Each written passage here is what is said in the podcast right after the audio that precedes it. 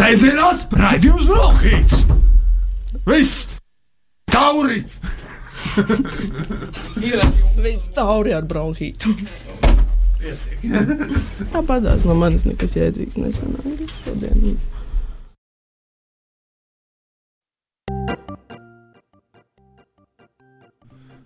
Sveiki! 8. maijā um, šis uh, raidījums bronhīts būs drusku citāds nekā uh, ierastie. Uh, šeit uh, es, uh, Lauris Veips, uh, man asistēs uh, Signe uh, Viška.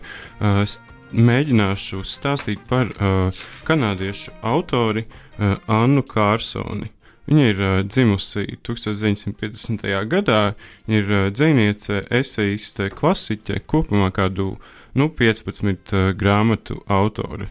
Uh, kāpēc, kāpēc par viņu jārunā? Viņa ir gandrīz, uh, gandrīz nobeliste, uh, un uh, viņas uh, dairada raksturo tāda auglīga uh, uh, žanru sapūšana.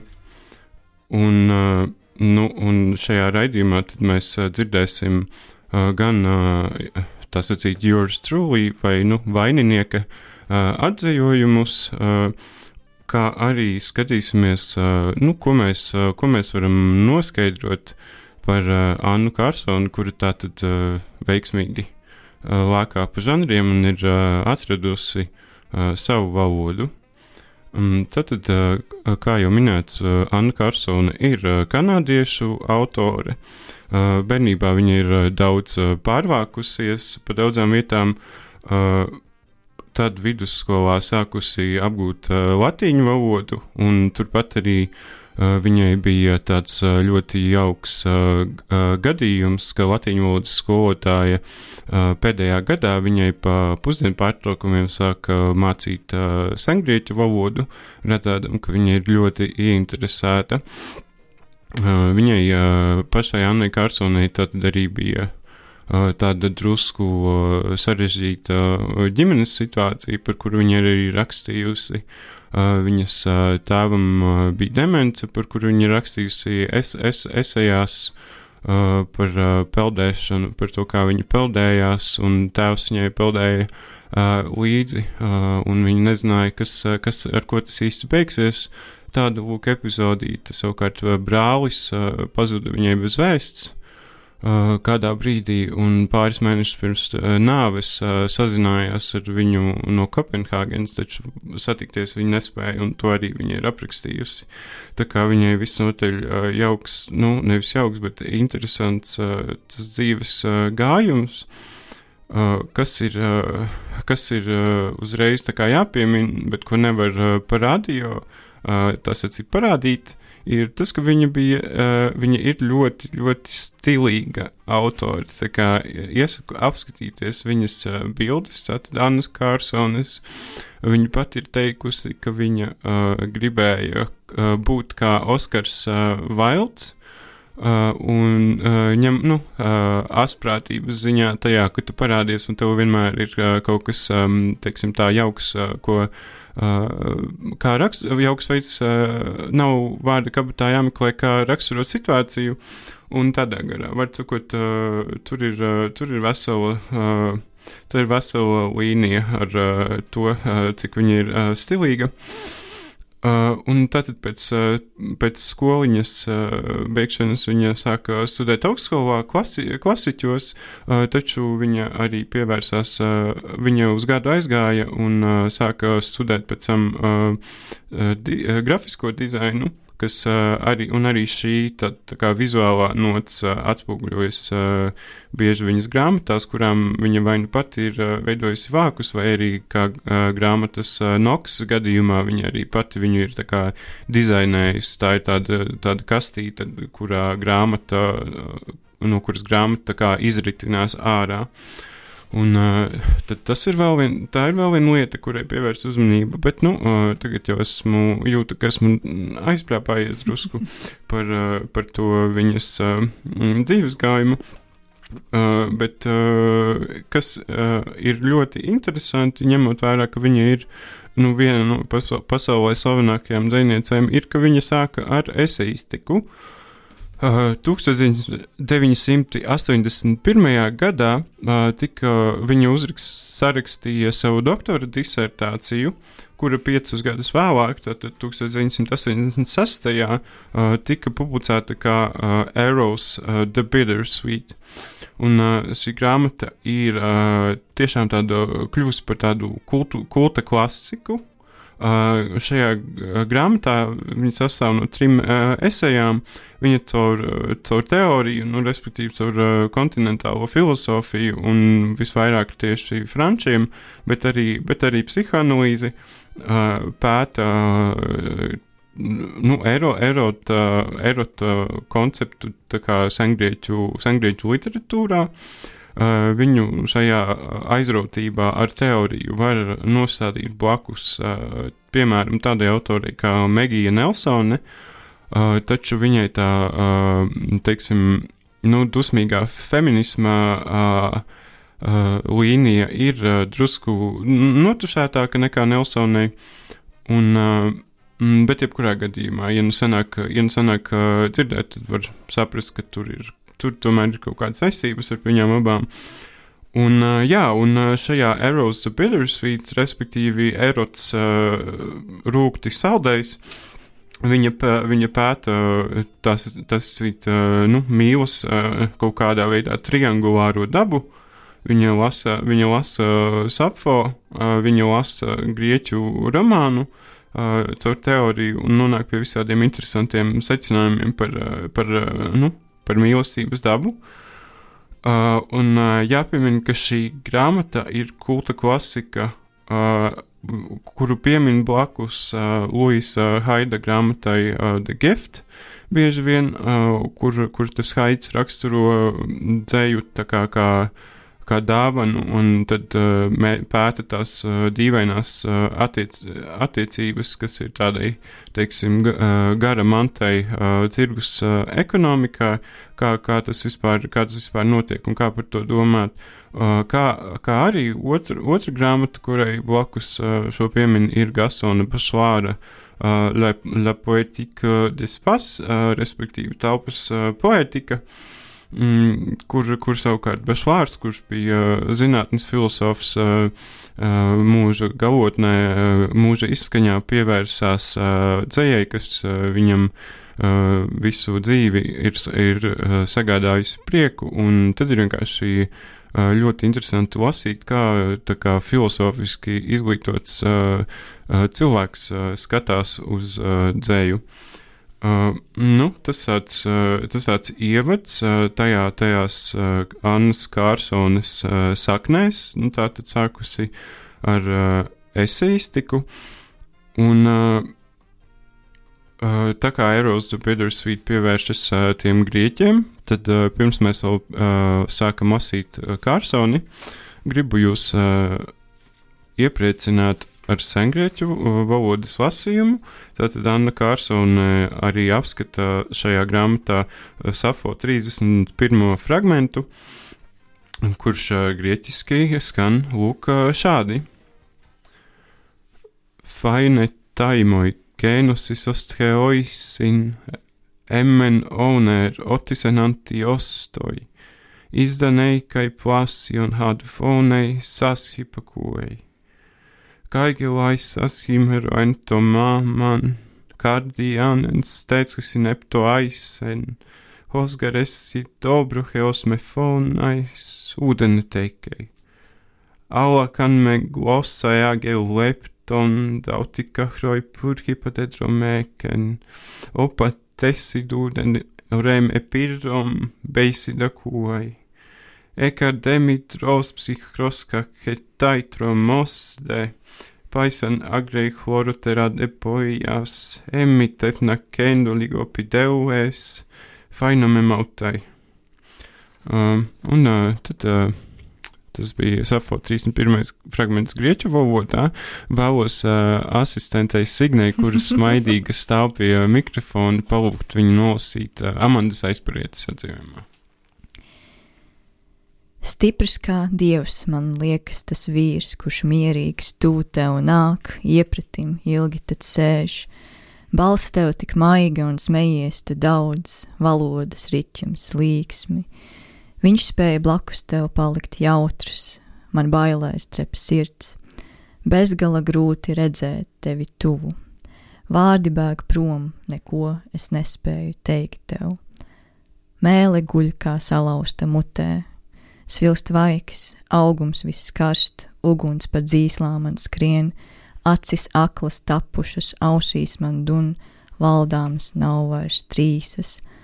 Plūst man aumaļām sviedri, man stāvs zaļi bals kā nonīcis zāles stiebrs līkst lejup. Man tik tuvu jau nāve, vai tu, agalit, redzi? Gribu līdz pēdējam visu to ciest. Um, jā, paldies, paldies tev, Signe. Um, Un, uh, jā, šis, uh, šis zejols, kuru Amanda aizpuriet ir atzījojusi, uh, es, ir ļoti daudz atzījojumu šim uh, fragmentam, atzījo, atzījojumu variantu, taču Amanda aizpuriet kaut kā ir trāpījusi tieši uh, tādā veidā, kā, uh, kā to lasa uh, Uh, arī Kārsone. Tur tā dzējuļa situācija tā tad ir, ka uh, nu, dzēniece skatās uz uh, vīrieti, sievieti, uh, kur, kuri sēž viens otram iepretim, un uh, tad viņa salīdzina šo vīrieti ar, uh, ar dievu. Uh, tieši tāda apsvēruma dēļ, ka, nu, ka viņš vispār var ar viņu parunāt, un uh, ka, ka šai dzēniecei tas nebūtu uh, nebūtu vispār iespējams. Viņa apmēram pārvērstos uh, putekļos, uh, ja viņai būtu jārunā ar, ar šo, nu, domājums. Uh, jauno sievieti. Un, tad, lūk, un tas ir interesanti arī tādas vēstures, atzējuma vēstures ziņā, tāpēc, ka šī tā, tās Kārsones un Amandas aizpurietis, kuru apsveicams ar citu ar neseno kļūšanu par Lali Gabas laureāti dzējas kategorijā, bet tas uzrāda arī to, ka vīriešu atzīvotāji ir tomēr, um, nu, to visu situāciju pavērsuši pēc sava prāta, un uh, tad, zināmā mērā, tur notiek arī kaut kāda uh, tulkojumu dekolonizācija. Bet šajā brīdī nu, mēs aiziesim nelielā muzikālajā pauzē, un pēc tam jau turpināsim ar pašas Kārsonas tekstiem. Tātad paliekam pie radioaparātiem. Sēžamās raidījums Brokhīts! Viss! Tauri! Ir viss tauri ar bronhītu. Tāpat tās no manis nekas jēdzīgs nesanāca šodien. Ievads. Kāda rīta agrumā bija pazuduši vārdi. Iepriekš vārdu nebija, bija fakti, sejas. Labā stāstā vēsta Aristotelis, visu notiekošo izraisa kas cits. Laukā bija trīs pieliekušās sievietes Kāda jēga mums ko prasīt? Viņas jautāja. Lūk, bet ātri vien kļuva skaidrs, ka viņas zina visu iespējamo par sniegotajiem laukiem un zilgan zaļajiem dzinumiem un augu dēvētu par brašumu, ko dzēnieki jauc ar violīti. Visu sacīto es rūpīgi pierakstīju. Zīmes pelēnām rada dabas mirkli bez stāstam raksturīgās garlaicības. Es atkārtoju. Es darīšu visu iespējamo, lai izvairītos no garlaicības. Tas ir mūža darbs. Nekad nevar pārāk daudz uzzināt, pārāk daudz strādāt, pārlieku dīvaini lietot nenoteiksmus un divdabjus, pietiekami spēja izjaukt kustību, pietiekami ātri pamest prātu. Par homo sapiens. Ar maziem iegriezumiem kromaņonietis rīku rokturos pierakstīja mēnesis fāzes, strādājot domādams par viņu dzīvnieki, horizonts, seja ūdens traukā. Stāstot stāstu, es katru reizi nonāku punktā, aiz kura vairs nekā neredzu. Es ienīstu šo punktu, tāpēc stāstītājus sauc par akliem. Tā ir kūdīšana. Par divizionismu. Saules gaisma Eiropiešus dara lēnus. Paskatieties uz visiem tiem apdulinātajiem ļaudīm sarā darbos. Paskatieties, kā mēs jē nopietni sēž, kurp dodas Eiropietis, kad ir aizdomājies. Sarā šis vecais žilbinātājs ir uzgleznojis šo vietu. Tā ir uzmanības otrā pusē, ilga, gurdena laiva brauciena attālumā. Tur ir svētdienas, nevis sestdienas pēcpusdiena. Sarā to padarīja uzskatām, izmantojot īpašu metodi - mamethod, kā viņš visai aizkaitināts to nodēvēja, kad viņam pajautājām. Viņš mūs noķēra, kad kā laulības pārkāpēji steidzāmies cauri vēsajām zaļajām ēnām. Upe virināja akmens lūpas, upes pieda sarā pie savām lūpām. Par vilšanos mūzikā. Prokofjevs bija slims un nevarēja aiziet uz koncertu, kur izpildīja viņa pirmo sonāti klavierēm. Viņš to noklausījās pa telefonu. Par forelēm. Haiku ir atrodami dažādi foreļu apzīmējumi. Ir gadies redzēt, piemēram, rudens foreles, leiteces foreles un rūsganās foreles. Leiteces un rūsganās ir ikrus iznēsušas foreles pārgrušas, pilnībā iztukšotas tās dodas uz jūru. Protams, pa laikam parādās kāda forele, kas pārziemo dziļos ūdeņos. Tās dēvē par uzticīgajām forelēm. Un mēs esam atpakaļ un turpinām, uh, varētu teikt, lekciju, varētu teikt, raidījumu par uh, Annu Kārsoni, um, kanādiešu dzinieci. Tikko dzirdējām uh, Signes, mīļās asistentes Signītes izpildījumā uh, mm, daļu no uh, short talks, respektīvi īsām runām. Tā, ja nemaldos, ir pirmā Uh, Annas Kārsonas uh, dzīslu grāmata parādījusies 1994. gadā, un uh, viņa jau uzrāda dažas lietas, ar kurām uh, Kārsone uh, kļūst uh, vēlāk, vai nu jau tieši ap to brīdi, kad iznāk šī populārā, šī, šī populārā grāmata. Uh, tādas tā kā stila iezīmes. Uh, grāmata sastāv no 45 mikro lekcijām, jeb, jeb īsām runām, uh, kā jau jūs, uh, kādas jūs tikko dzirdējāt. Uh, pēdējās ar citu, kuru Signe nolasīja uh, par forelēm, uzrāda arī uh, nu, noteikta veida apropriāciju, tāpēc, ka uh, Kārsone ir šo tekstu, kā es tulkojot, uh, sameklēju, uh, paņēmusi vārds vārdā no Jasunari uh, Kavabatas, uh, Japāņu rakstnieka uh, grāmatas, Turklāt, uh, turklāt pat neatsaucoties uz, uz, to, uz to grāmatu, tā kā var, var nu, pamāt ar, draudīgi pamāt ar pirkstu. Uh, mm, bet uh, vispār kopumā šie teksti arī uzrāda to žanru sapulšanu, ar kuru Kārsone ir pazīstama, un kuru, ar citu, var novērot uh, tagad arī latviešu literatūrā visai daudz. Uh, pirmais, kas nāk prātā, protams, ir uh, Ivara Steinberga strops, kurā, parā, kurā parādās arī dzējolis, kas ir um, tā kā uh, raksta Uh, kopsavilkums, tas būs tas abstrakt. Ja? Mm -hmm. Kopsavilkums. Kopsavilkums ar, ar, ar, atslā, ar atslēgvārdiem apakšā, un, var sakot, tur tā akadēmiskā pasaule, nu, gluži kā Kārsonī šeit uh, sapūst, sapūst ar uh, literatūru. Un, uh, jā, uh, tas vispār, uh, ka viņa uh, pievēršas tieši literatūrai, Kārsone, man šķiet, šķiet, un nu, vismaz esmu arī lasījis tādus viedokļus, īstenībā ir saistāms ar to, ka esejas AS, nu, anglofonajā vidē, tāpat kā pie mums Latvijā, nu, pat ja ir cilvēki, kas viņas raksta, tomēr ir visai maz cilvēku, kas viņas lasa.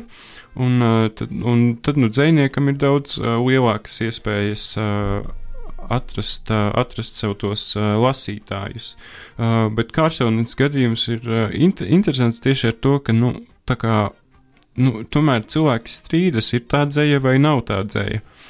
Un, uh, tas ir sevišķi uh, labi parādās uh, viņas uh, slavenākajā grāmatā, kuras, kuras dēļ man tā šķiet viņa arī uh, tika pieminēta uh, kā iespējama uh, nobeliste. mm, grāmatā Autobiography of Red. Tā ir 1998. gadā iznākusi grāmata. Tas ir romāns Brīvajā pantā. Uh, un uh, tas ir, uh, tas stāsts ir, nu, praktiski neiz, neizstāstāms, bet īsumā tas ir geju romāns, kas ir balstīts senā uh, varoņteikā par to, kā Hērakls nogalināja sarkanu briesmoni, taču darbība notiek mūsdienās, un Hērakls šo briesmoni kas šajā grāmatā ir vienkārši cilvēks ar spārniem, uh, izmīlē un pamet. Un, uh, tātad šāds uh, avangards šajā grāmatā notiek vēl, ne, vēl, bez, vēl bez tā, ka viņa formāli ir uh, pilnīgi uh, jocīga. Jo, ja atcerās no romānus, uh, romānus uh, dzējā uh, vai romānus nu, pantmērā, kā Jev, Jevgeņiju Ņeginu, tad tur tomēr vēl viss notiek tādās uh, ierastās, uh, nu, teiksim, um, nu, narratīvas struktūrās, un, uh, bet uh, šeit, šeit tad uh, viss tā kā, nu, jūk, jūk uz, uz, uz, uz pusēm, bet tāpat laikā tā ir grāmata, kuru man liekas no Kārsonis ir arī visvieglāk lasīt. Uh, ja, ja, ja neesi, ja neesi iesvaidīts, nezinu, akadēmiskajā pasaulē vai, vai klasiķu studijās, tad tāpat tās viņi būs ļoti jauki lasīt. Kā jau minēju, viņa arī populārākā 25,000 eksemplāros apmēram pārdota, un tas ir daudz ieņem vērā, cik tā grāmata ir eksperimentāla. Un šajā grāmatā uh, arī parādās uh, Annas Kārsonas uh, stils. Mm, es viņu sauktu par uh, virsmas dzinieci, tāpēc ka viņai ir ļoti, ļoti vaļīgas tās saiknes starp vārdiem. Un, nu, man liekas, ka pēdējā laikā, tajā, ko es no viņas esmu lasījis jaunākajos tekstos, nu, tās saiknes paliek drusku par vaļīgu. Uh, bet uh, nu, uh, šis, šis autobiogrāfija of Fred uh, priekšvārdā uh, viņa atsaucas uz, uh, uz uh, sengrieķu dzinieku Stēsikoru, uh, par kuru viņa raksta šādi. Mm, viņš uh, atraisīja esamību. Pēkšņi nekas netraucēja zirgiem būt ar dobiem nagiem, upei sakņu sudraba krāsā un bērniem neapskādētiem. Un uh, patiesībā to pašu var teikt par uh, Kārsoni, kur tie, kur tie īpašības vārdi, uh, tā sacīt, um, ir tādā dīvainā savienībā ar uh, lietvārdiem, ar kuriem viņi ir uh, savienoti. Un tas kaut kādā mērā varētu teikt arī atspoguļo informācijas uh, laikmeta uh, tendences. Uh, es gatavojoties raidījumam, iedomājos par, par to milzīgo, nu, tā sacīt, pūļa radošumu, kura, kura, kura rezultātā valoda tiešām, tiešām mainās un uh, mm, paliek tāda atraisītāka. Kā piemēru, uh, gribu pieminēt to, ka nu, nelegālus, piemēram, teātra izrāžu ierakstus mēdz tēvēt par uh, gļotu pamācībām, uh, jeb šo uh, slime tutorial, un tas arī ir kaut kas tāds, kas varētu vienmēr nu, ļoti viegli atrasties uh, kādā no Annas Kārsonas grāmatām. Uh, bet, nu, uh, tad pēc uh, šāda ekskursa es domāju, ka mēs esam pelnījuši, lai Signe mums uh, palasa uh, vēl kaut ko, un tad pēc tam jau skatīsimies, kas notiks. Par Ovīdiju. Redzu viņu šādā pašā, taču vēsā vakarā. Mēnesis dvēsmo pa melnām ielām. Viņš pavakariņo un iet atpakaļ uz istabu. Rādio ir uz grīdas. Tā zaļā spīdošā skala klusi gaudo. Viņš piesēžas pie galda. Trimdā jāraksta tik daudz vēstuļu. Novīdīs raud. Katru nakti ap šo laiku viņš uzvelk skumjas kā tērpu un turpina rakstīt. Brīvajā laikā viņš pašmācības ceļā apgūst vietējo valodu, getu, lai tajā sarakstītu epu, ko neviens nekad neizlasīs. Par deflorāciju. Nemaz tik daudz rīcību dzīvē nav. Ieiet, iet, slepus aiziet, šķērsot nopūtu tiltu. Un, kad tu mani pazemoji, es sapratu, ka pazemojums ir rīcība. Tas notika Venecijā. No tā pietūkst balss saites. Es citos cauri Venecijai, zem tiltiem, pat tiltiem, bet tu biji prom. To vakar piezīmēju tavam brālim. Kas tev ar balsi? Viņš jautāja. Par perspektīvas likumiem. Zemisks apmāns, kļūda, negodīgums. Tā uzskatīja Braks. Kāpēc? Braks noliedza perspektīvu. Kāpēc? Tas, kurš visu dzīvi glazno sānskatā, beigās sāks domāt, ka cilvēks ir vienacains. Braks lēsa. Braks objektus gribēja iegūt pilnībā. Tā vismaz viņš apgalvoja publicētajās intervijās. Vērojot, kā mazie spīdīgie ainavas laukumi izslīd viņa tvērienam, Braks izjuta zaudējumu, tāpēc viņš to saplēsa. Nature mort, teica Braks. Par uh, le bonheur d'être bien aimé. Diena no dienas, tikko kā pamostos, es domāju par tevi. Gaisā kā ciekāris putnu klaigas, kā dārgakmeņus. Par noregulēšanu. Kafkam patika, ka viņa pulkstenis pusotru stundu steidzas. Felīce to visu laiku noregulēja, un tomēr piecus gadus viņa gandrīz apprecējās. Viņš izveidoja sarakstu ar argumentiem par un pret laulību, pie kuriem minama nespēja pretoties dzīves triecieniem, par, un tas, kā pulksten 10.30 izskatījās viņa vecāku gultās izklātie naktskrekli, pret. Hemorāģija viņu izglāba. Kad ārste sanatorijā viņam ieteica nerunāt, viņš izkaisies tikla teikums pa visu grīdu. Felīcē, kā rakstīts vienā no tiem, bija palicis pārāk daudz kailuma. Par miega akmeņiem. Kamila Klodela pēdējos 30 dzīves gadus, prātojot, kā tas gadījies, pavadīja psihiatriskajā slimnīcā. Viņa rakstīja vēstules brālim, dzēniekam, kurš bija parakstījis papīrus. Atbrauc mani apciemot, viņa raksta. Atceries, es te dzīvoju ar jukušajām, dienas velkas. Ne viņa smēķēja, ne pastaigājās, viņa atteicās darināt skulptūras, lai gan viņai deva miega akmeņus, marmoru, granītu un porfīru. Viņa tos salauza, tad uzlasīja lauskas un naktī apraka viņpus ēkas sienām. Naktī viņas rokas stiepās arvien garākas un garākas, tā ka fotografijā tās izskatās pēc divām kāda cita cilvēka daļām, uzkrautām viņas ceļiem. Sēžamās raidījums Brokhīts! Viss! Tauri! Viss tauri ar bronhītu. Tāpatās no manis nekas jēdzīgs nesanāca šodien. Nu, Tā tad mēs esam atpakaļ raidījumā, kas veltīts kanādiešu dziniecei Annai Kārsonai.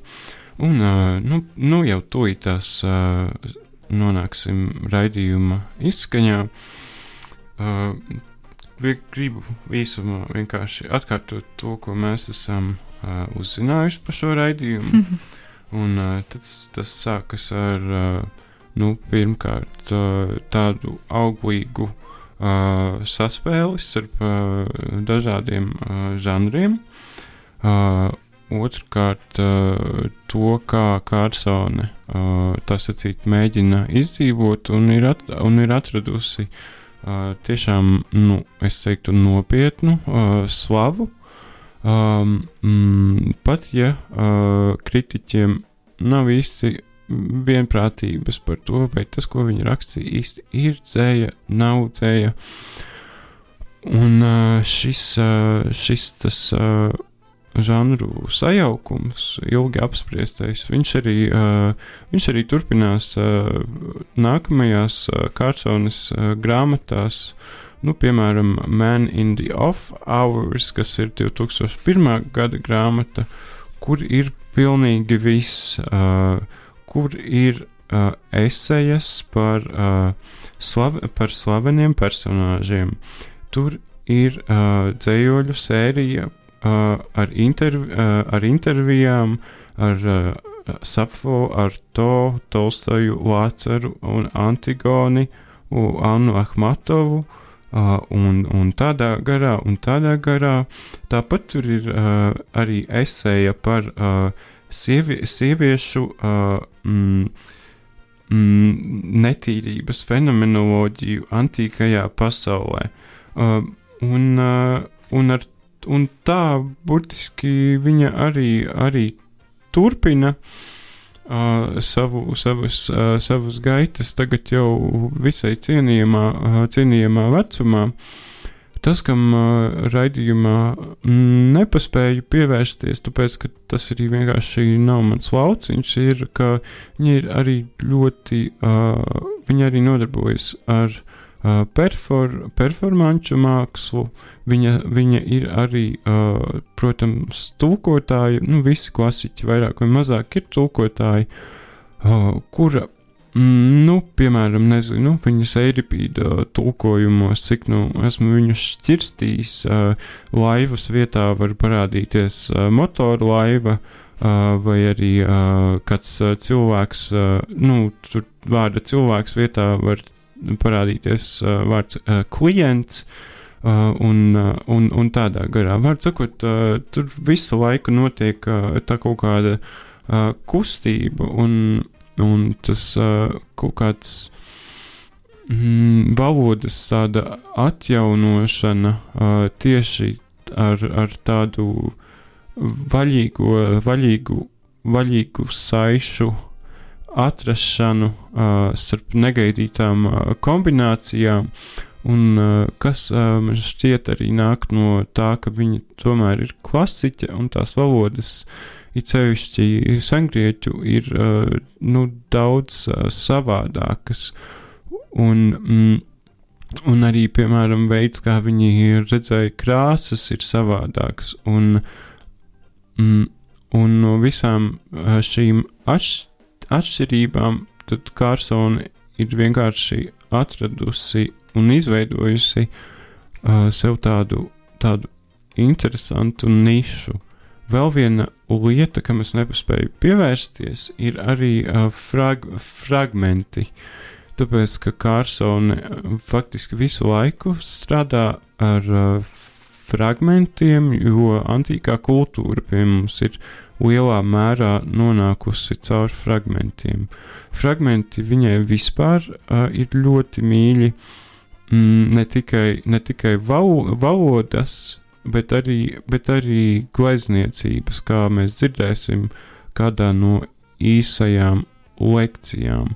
Un man liekas, ka viņi tur atrod vienkārši to, to brīvību, kurā tu, kurā tev lūk, skaidri zini, ka uh, līdz tevīm, ka tu neredzi visu, um, bet uh, tādā gadījumā tu vari būvēt apkārt, vadoties, uh, būvēt, mēģināt rekonstruēt to veselumu, vadoties pēc vienkārši tā, uh, tā mazumiņa, uh, kas, kas, kas tev ir, uh, kas, kas nu tev ir pieejams.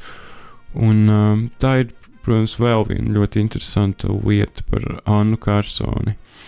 Un, uh, nu jā, un šādā tādā laikam nu, ātrā un uh, nu, drusku izkaisītā uh, skrējienā esmu nonācis uh, pie brīža, kur uh, gribu ļaut asistentei Signītei pie, pieslēgties un uh, nolasīt, nolasīt atlikušos fragmentiņus no īsām runām, un ar to es domāju, mēs arī raidījumu noslēgsim. Kā lai, lai jūs visi paliekat ar uh, Signes daļo skanīgo balsi. Un tiekamies jau citreiz, bet nelieciet, nebeidziet no radioaparātiem, tūlīt lasījums. Par staigāšanu atmuguriski. Mana māte mums aizliedza staigāt atmuguriski. Tā staigā mirušie, viņa mēdza teikt. No kurienes viņai tādu domu? Varbūt no kāda slikta tulkojuma. Mirušie beigu beigās nestaigā atmuguriski taču mums aiz muguras gan. Viņiem nav plaušu, un viņi nevar mūs pasaukt, taču viņiem ļoti patiktu, ja mēs pagrieztos. Mīlestības upuri, laba tiesa no viņiem. Par ūdens necaurlaidību. Frančs Kafka bija ebrejs. Viņam bija māsa Otla, ebrejiete. Otla apprecēja juristu Jozefu Davidu, neebreju. Kad Bohēmijā un Morāvijā ieviesa Nirnbergas likumus, klusā Otla ieteica Jozefam Davidam šķirties. Sākumā viņš atteicās. Viņa apelēja pie miega tēliem un īpašuma, un viņu abām meitām un racionālas pieejas. Viņa nepieminēja, jo šo vārdu vēl nezināja, Aušvicu, kur 1943. gada oktobrī gāja bojā. Sakārtojusi dzīvokli, viņa sapakoja mugursomu un no Jozefa Davida dabūja labu apavu smēru. Viņš uzklāja tauku kārtu. Tagad ūdeni nelaidīs cauri, viņš teica. Par lasīšanu. Dažiem tēviem riebis lasīt, bet patīk vesti ģimeni izbraucienos. Dažiem bērniem riebis izbraucieni, bet patīk lasīt. Jocīgi, ka bieži vien abiem gadās būt tajā pašā auto. Es uzmetu aci klinšu kalnu apstulbinoši robustajiem pleciem pa starpu Bavariju kundzes rinkopām. Mākoņa ēnas gurdeni klīda pa viņas milzīgo akmeņu rīkli, iekrāsoja egļu sānus. Kopš tā laika es nevaru paskatīties uz sieviešu ķermeņa apmetojumu, nedomājot, mūžs zaļš. par lietu. Nakts, kad devos prom, bija melnāka par olīvām. Kamēr neparasti līksma skrēja garām pilīm, sāka līt lietus. Kas gan tā par ideju, šīs mazās formas? Es apmaldītos tās skaitīdama. Kurš pirmais par to iedomājās? Kā viņš to aprakstīja citiem? Arī tur, jūrā, līst nesitas pret nevienu. Par pilnīgo kolekciju.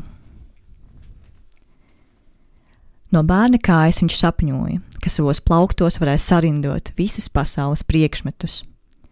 Viņš necieta nepilnību, aizmirstību vai pat iespēju, ka pazudīs kāds eksemplārs. Kārtība izplatās no nosa zilu trīsstūru veidolā, un kad viņa klasifikāciju nevaldāmais trakums cēlās visapkārt, aprijot viņa dzīvi, citi tos sāka saukt par viļņiem, tie, kas noslīka vesela pasaule citu. Par doktora Deimana anatomijas stundu. Tik bārga ziema, ka uz brēstrātes no saules nonākot ēnā, starpība kņudināja pauri kā ūdens – Tieši badīgajā 1658. gada ziemā melnais Jans metās kopā ar mauku vārdā Esje Oķe, un kādu laiku viņa zēla un plauka. Taču pienāca ledāna janvāra diena, kad melno Janu pamanīja aplaupām kādu drēbi tirgotāja mājas. Viņš bēga, krita, sadūra kādu vīrieti un 27. janvārī tika pakārts. Nav šaubu, jums zināms, kā viņam klājās pēc tam. Augstais laiks ļāva doktoram Deimanam trīs dienas pret melno Janu vērst medicīnas patiesīgo aci. Interesanti, vai Elsijai gadījās redzēt Rembrandta gleznu, kurā viņas mīlas zaglis uzgleznots krasā priekšskata perspektīvā, tā ka viņa tīrās pāda pakša šķiet gandrīz saskaras ar uzšķērstajām smadzenēm. Jāgriež dziļi, lai atrastu problēmas sākotni, doktors Dēmons saka, pašķirot smadzenes uz abām pusēm kā matus. No tām rēgojas skumjas. Par orhidejām. Mēs dzīvojam ragdami tuneļus, jo esam dzīvi apraktie ļaudis. Mantīvs veidotie tuneļi šķitīs bezmērķīgi savādi, ar saknēm izrautas orhidejas. Taču smarža ir nezūdoša. Kāds mazs puika pirms pāris dienām aizbēdzis no Amherstas. Emīlija Dikinsona raksta 1883. gada vēstulē, un jautāts, uz kurien dodas, viņš atbildējis vai nu uz Vermontu vai Āziju. Par hedonismu. Skaistums mani neglābjami sabojā. Nu man vienalga, kāpēc, vienkārši gribu projām. Kad varos Parīzes pilsētā, es gribu tai apvīt kājas. Kad redzu tevi dejojam, ir bezsirdīgs plašums kā jūrnieks stingzinoši mierīgā jūrā. Vēlmes apaļas kā persiki, manī zied cauri nakti, vairs neuzlasu nokritušo. Par karali un viņa drosmi. Viņš piecēlās stipri šaubīdamies par to, kā sākt. Viņš palūkojās atpakaļ uz gultu, kur gulēja galoda. Viņš pavērās ārā uz pasauli, sava laika slavenāko eksperimentālo cietumu. Aiz moku stabiem viņš redzēja, nav nekā, taču viņš varēja redzēt. Par patvērumu. Ar zivs sirdi iespējams aprakstīt sienas, jo tā satur fosforu. Zivis ēd fosforu.